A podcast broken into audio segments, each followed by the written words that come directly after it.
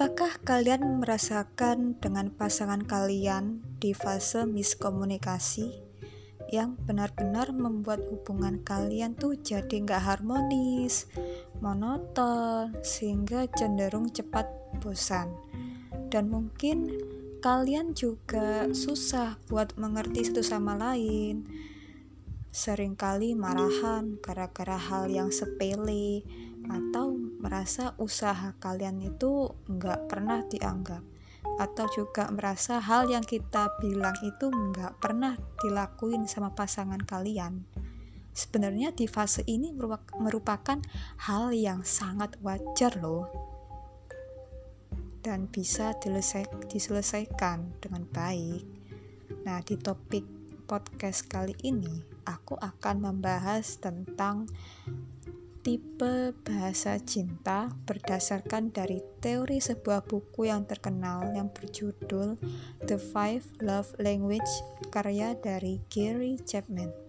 Dalam buku ini, konsep dari Gary Chapman yang menjelaskan soal bagaimana kita bisa menerima bentuk cinta dari orang lain dan gimana sih hubungan kita uh, lebih awet gitu sama pasangan kita. Nah, menurutku buku ini tuh worth it banget loh buat kalian baca. Sangat rekomen deh. Dan menurut dalam teori cinta yang dimaksud di sini adalah sumber yang membuat kita secara emosional merasa penuh. Nah, maksudnya gimana nih, Kak? Nah, gini. Kita kan pasti awalnya merasa feel so empty kan, kayak merasa kosong gitu. Tapi tiba-tiba ada uh, seseorang gitu. Kita dikasih uh, semacam bentuk kasih sayang dari orang lain. Pasti kita ya merasa senang kan kayak merasa semangat gak sih nah itu jadi kita harus perlu tahu dulu nih sebenarnya apa sih yang membuat kita itu merasa dicintai maupun apa yang membuat pasangan kita merasa dicintai karena kalau enggak ya pastinya kita bakal kebingungan dong Nah, karena setiap orang pasti punya cara yang berbeda untuk mengekspresikan rasa cinta mereka. Agar cinta sejati tumbuh, kamu harus berkomunikasi dengan bahasa cinta yang cocok dengan pasanganmu. Menurut dari teori Gary Chapman, ada lima tipe bahasa cinta atau love language. Yang pertama, words of affirmation. Biasanya tipe ini seperti berfokus pada pujian atau kata-kata validasi. Tipe ini senang banget kalau dikasih kata-kata positif dan mungkin semakin baper, ya enggak? Pasti kalian yang termasuk uh, kepribadian ini tuh sangat suka banget dikasih kata-kata penyemangat uh, semangat ya. Jangan sedih kamu pasti bisa kok. Aku selalu di sini buat kamu. Atau bilang gini aku kangen sama kamu aku bener-bener sayang sama kamu. Eh baju kamu bagus loh hari ini. Kamu beli di mana?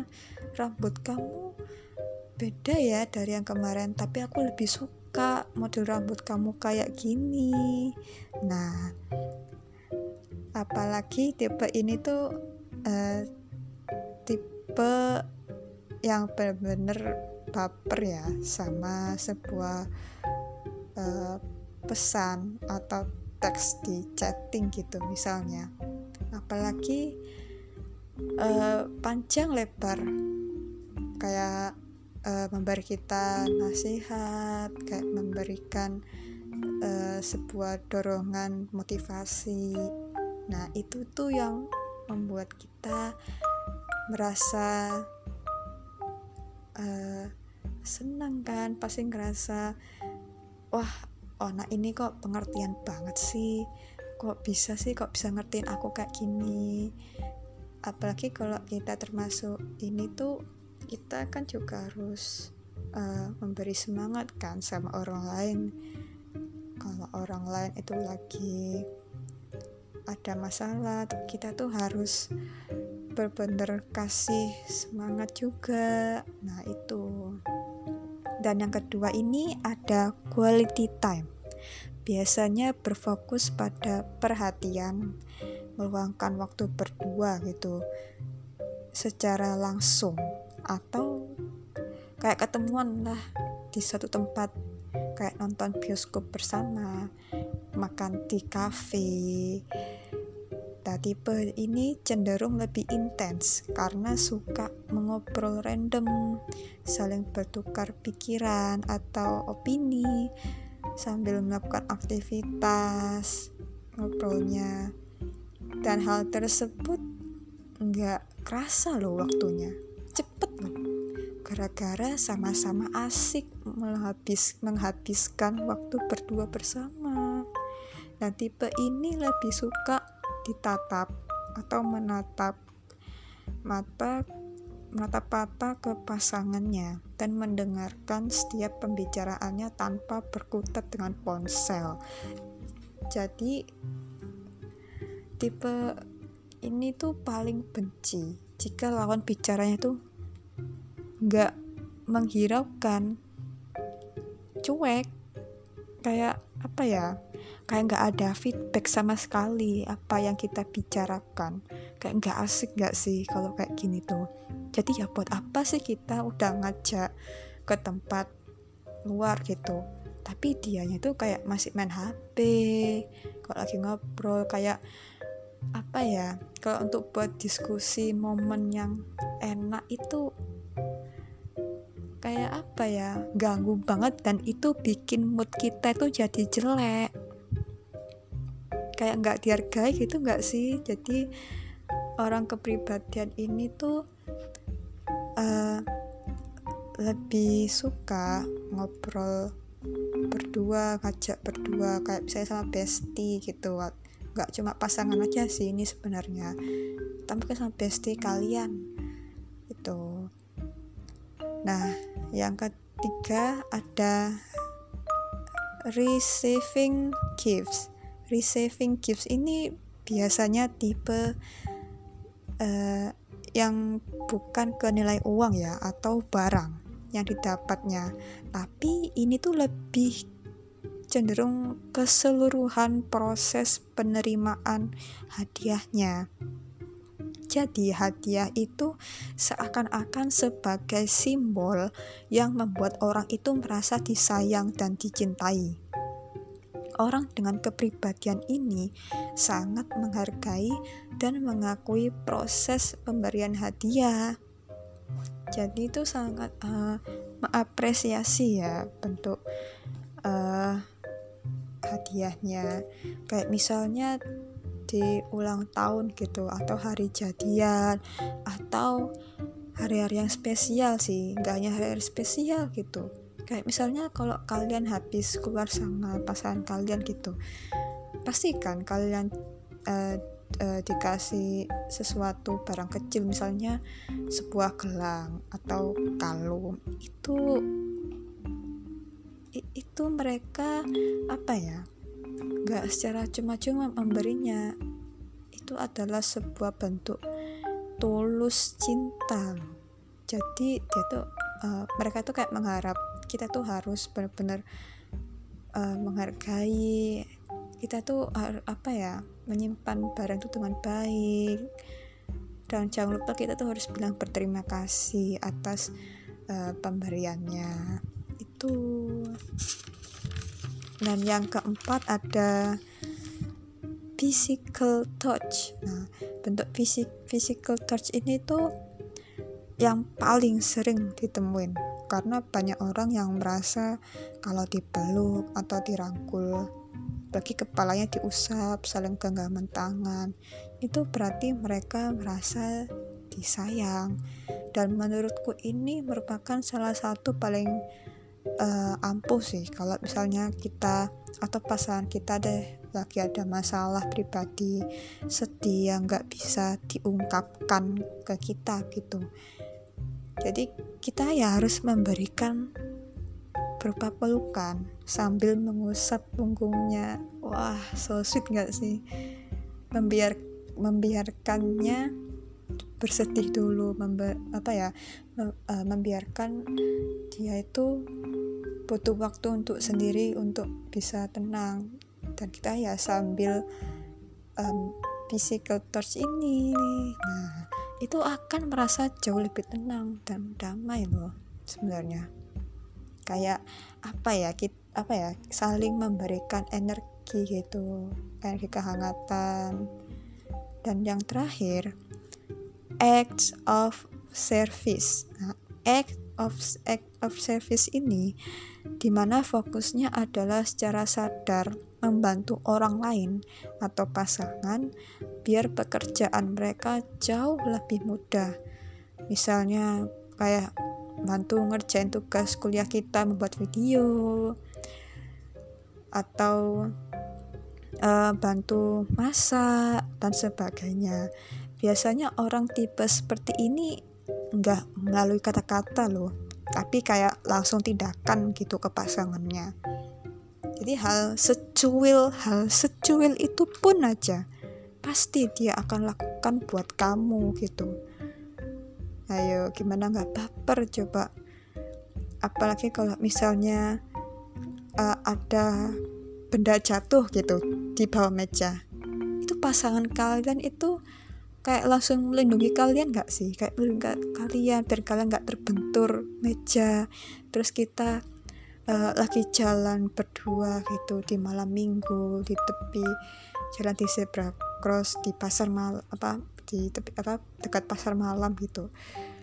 Pasti uh, pasangan kita itu berpindah posisi berpindah posisi gitu supaya kalian nggak keserempet kendaraan gitu. Itu itu benar-benar aduh ini tuh yang sangat di ini ya apa namanya biasanya yang cewek-cewek ini paling suka sama kepribadian kayak gini nih. Kayak kerasa ada yang dilindungi gitu. Nah dari uh, apa namanya dari mengetahui love language semua ini dari kelima ini tuh menurutku ya ini tuh bisa menyatukan kembali pasangan yang mulai kehilangan rasa, kehilangan rasa. Selain itu bisa meningkatkan uh, keintiman dalam sebuah hubungan kalian agar menjadi lebih dekat dan gak cuma belajar banyak tentang satu sama lain tapi ya kita juga harus terhubung satu sama lain juga dengan cara yang lebih bermakna lalu akan menumbuhkan rasa empati saat kamu berusaha untuk terus memahami bagaimana pasangan kamu merasakan cinta. Aku punya ini nih kutipan. Just because they don't love you the way you want them to doesn't mean they don't love you with everything they have. Ya, mungkin aja cara mengkomunikasinya berbeda. Jadi, ya intinya ya kita harus saling memahami dengan baik pada pasangan kita. Apa sih uh, pasangan kita tuh suka apa sih? Gitu. Kayak misalnya yang tadi. Misalnya ya, kok apa namanya dia ini lebih suka ngobrol daripada lewat chat ya. Karena aku ya misalnya dari aku ya dari kelima ini aku tuh lebih cenderung ke quality time. Serius aku lebih suka ke quality time. Ya karena uh, aku su suka berhadapan dengan orang uh, berbicara gitu. Uh, ngomongin apa saja sampai gak kelar-kelar. Serius aku lebih suka itu. Karena uh, teman-temanku kan lainnya kayak teman-temanku cewek ya. Dia, uh, mereka tuh lebih suka physical touch gitu. Tapi aku cenderung nggak suka physical touch sih sebenarnya kayak nggak terbiasa aja sih. Aku lebih suka meluangkan waktu bersama di luar. Nonton film uh, kesukaan bareng gitu. Terus nanti habis nonton film kita membicarakan film itu gimana sih reviewnya gimana uh, pesannya gimana gimana. Itu asik loh serius. Dan aku merasa benar-benar apa ya ada effortnya gitu loh dan apa namanya ada apa ya nggak sia-sia gitu kalau kita keluar. Pasti ada tujuannya gitu. Dan aku juga lebih suka menghabiskan waktu bersama orang. Seperti itu. Apalagi eh, sama-sama suka quality time sama-sama penyuka ini ini. Hal yang diomongin itu ngalir terus ngalir terus. Nggak ada henti intinya gitu soalnya aku kalau kayak misalnya kayak lewat chatting itu apa ya jarang sih kayak susah gitu. Kayak pengen banget banyak yang aku omongin gitu. Nah itu. Kalau kayak ex of service sih aku apa ya kayak hanya cuma memberikan ini sih eh kamu aku bantu nih kamu uh, mau ngerjain yang mana. Kayak misalnya uh, ada tugas kuliah gitu. Tapi balik lagi aku lebih suka ke quality time. Nah itu sih. Kalau kalian sendiri dari kelima love language ini kalian termasuk yang mana? Hmm. jadi itu ya teman-teman. Terima kasih untuk mendengarkan uh, topik kali ini. Terima kasih